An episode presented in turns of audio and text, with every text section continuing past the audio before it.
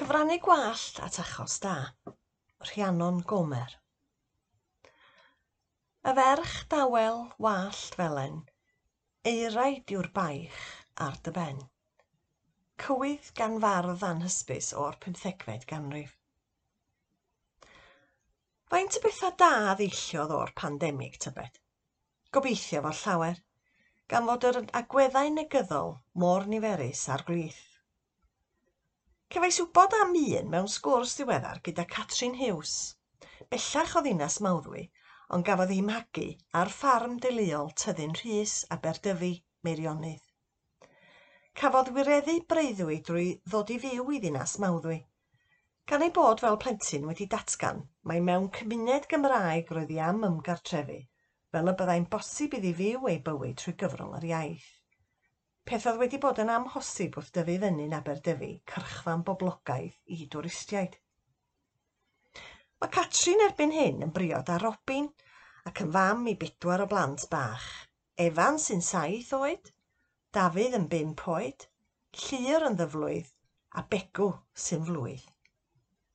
Fel petai hynny ddim yn waith llawn amser, mae hefyd yn athrawes, yn wraig ffarm ac yn aelod o Ferched y Wawr dinas mawddwy, lle mae'n cael bod yn fi fy hun am awr neu ddwy.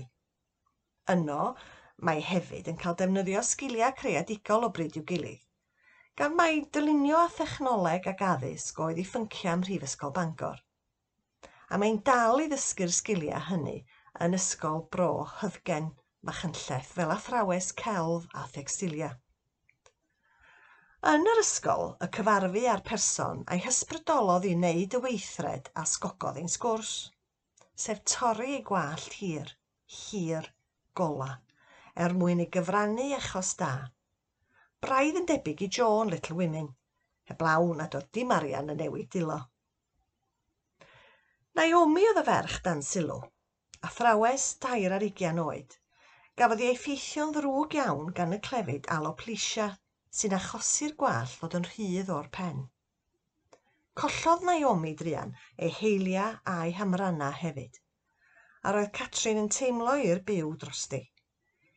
Dechreuodd ymchwilio i sut y gellid helpu pobl mewn sefyllfa anodd o'r math yma, a fe i wybod am Little Princess, cwmni o ehenffordd sy'n cyflenwi gwallt gosod o wallt go iawn am ddim ar gyfer plant a phobl ifanc sydd wedi colli eu gwallt oherwydd triniaeth cancer neu glefydau tebyg.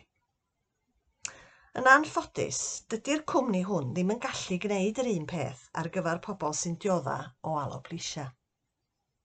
Mae'n broses ryd iawn, a mae angen llawer iawn o wallt ar gyfer ffurfio gwallt gosod i un person.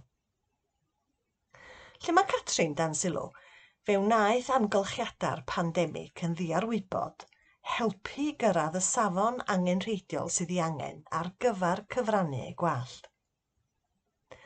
Mae angen i'r darn sy'n cael ei dorri fod rhwng deuddeg ac un modfad ar bymthag o hyd, heb ei liwio'n lliw annaturiol, na thrwy ddefnyddio lliw lled barhaol, ac mae'n ofynol iddo hefyd fod mewn cyflwr ardderchog.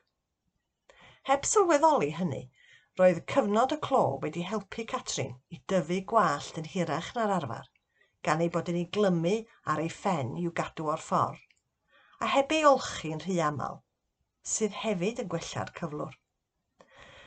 Chafodd ei gwallt mae liwio rioed, ac er nad i hynny'n hanfodol, mae'r cyfan yn cyfrannu at ei ansawdd.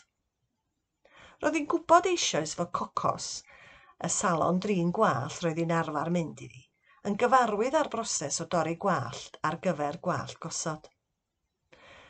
Mae'n rhaid ei glymu mewn ffordd arbennig ar ôl ei olchi a'i sychu, cyn ei dorri a'i becynnu'n barod i'w anfon at y cwmni.